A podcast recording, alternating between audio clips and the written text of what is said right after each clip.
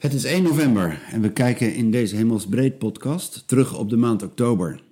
Een maand die in Nederland vooral Black Achievement Month heet. En elders ook Black History Month. Ik loop rond in de Bijlmer en ik kan niet om zoiets heen. Sinds deze zomer was er een onrust onder mijn huid gekropen. Op Tweede Pinksterdag begon dat met de demonstratie op de Dam vanuit de Black Lives Matter beweging. Eerder ging zoiets nog langs me heen. Maar nu liet het me niet meer los. Het feestvieren van Gods feest, die over alle vlees is uitgestort, oftewel alle soorten huid en alle soorten mensen. Om vervolgens dan in de spiegel te kijken van onrecht, ongelijkheid en een sluimerend racisme. Onder het oppervlak van een gezellig Nederland waar niemand racistisch wil zijn, zit het er toch nog. Het zit nu in onze systemen. In hoe we omgaan met achternamen bij een sollicitatie. In hoe we als witte cultuur donkere mensen onbewust beoordelen. Ga zo maar door. Het liet mij niet meer los. De dagtekst vandaag voor ons zondagcafé bij Hemelsbreed is Johannes 1 vers 14. Het woord is mens geworden. Het heeft onder ons gewoond, vol van goedheid en waarheid. En dan staat er even verderop waar de wet van Mozes over schreef. Dat liet Jezus zien, de echte waarheid, het werkelijke plaatje van God. Met Jezus komt dat weer op onze huid, of die huid nou wit of zwart is, of iets ertussenin. Jezus werd mens en deelt sindsdien onze huid. Denk je dat eens in? Hoe kijk jij naar God of naar Jezus? Kijk, in je hoofd zitten plaatjes. En een bekend plaatje is die witte man met een baard en wat langer haar. Kinderbijbels en schilderijen zijn er vol mee.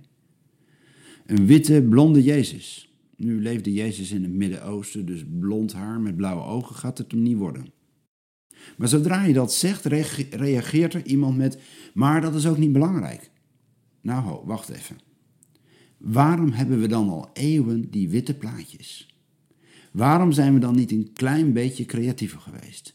Of gewoon ook realistischer? Is een getinte Jezus met donker haar te onwennig? Ik nam de proef op de som. Met Frans van Dam, een vriend van me, en liet een eigen tijdse Jezus-icoon ontwerpen. Het werd bewust een Afrikaanse Jezus. Een zwarte Jezus. Hij heeft kroeshaar en een donkere huid en gitzwarte ogen. En op de achtergrond zie je protesterende mensen. Op hun borden die ze omhoog houden staan bijbelteksten over liefde en over de eenheid in Jezus. Het is een aangrijpende plaat geworden. Het schuurt, het ontroert. Afgelopen woensdag presenteerden we het voor de pers. De reacties overtroffen alle verwachtingen. Tranen stroomden. Persoonlijke woorden klonken. Minella van Bergijk, directeur van Tier, zei: Ik mag nu zwart zijn.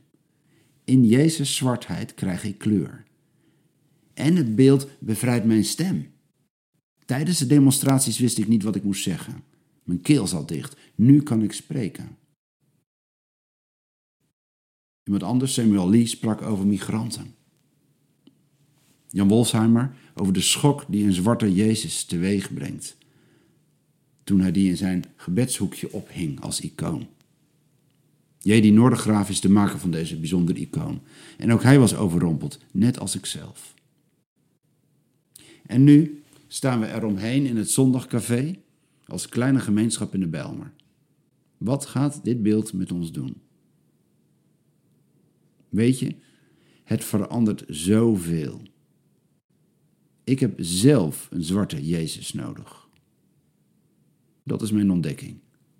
Ik ben wit. Zo ben ik opgegroeid en pas sinds een paar jaar word ik me meer en meer bewust van mijn eigen witheid. Wit is ook een kleur.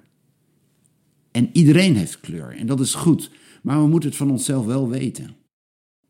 En de kleur van de ander leren, liefhebben en koesteren. Precies dat leert een zwarte Jezus mij.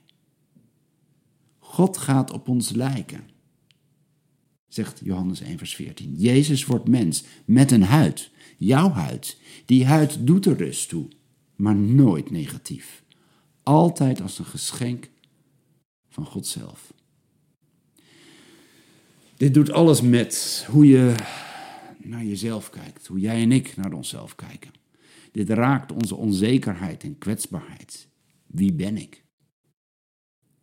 Ik ben iemand, in ieder geval met een huid, die aangeraakt wordt door God zelf.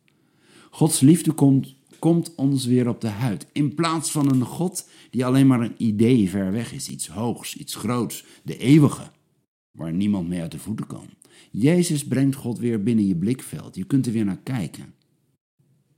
Maar zie dan ook de kleuren van God. Al die kleuren. Ik heb bruine en zwarte vrienden nodig die mijn familie worden. Zonder dat zie ik gewoon te weinig van God. Samen met elkaar zien we zoveel meer. Proeven we meer van Jezus' goedheid en waarheid. Het betekent wel een kleine beeldenstorm in mijn hoofd. Maar ik krijg er zoveel voor terug. Ongekende liefde en zoveel meer kleur. Als Jezus mijn huid koestert, mag ik er zijn. Als ik op Jezus begin te lijken, krijg ik meer kleur.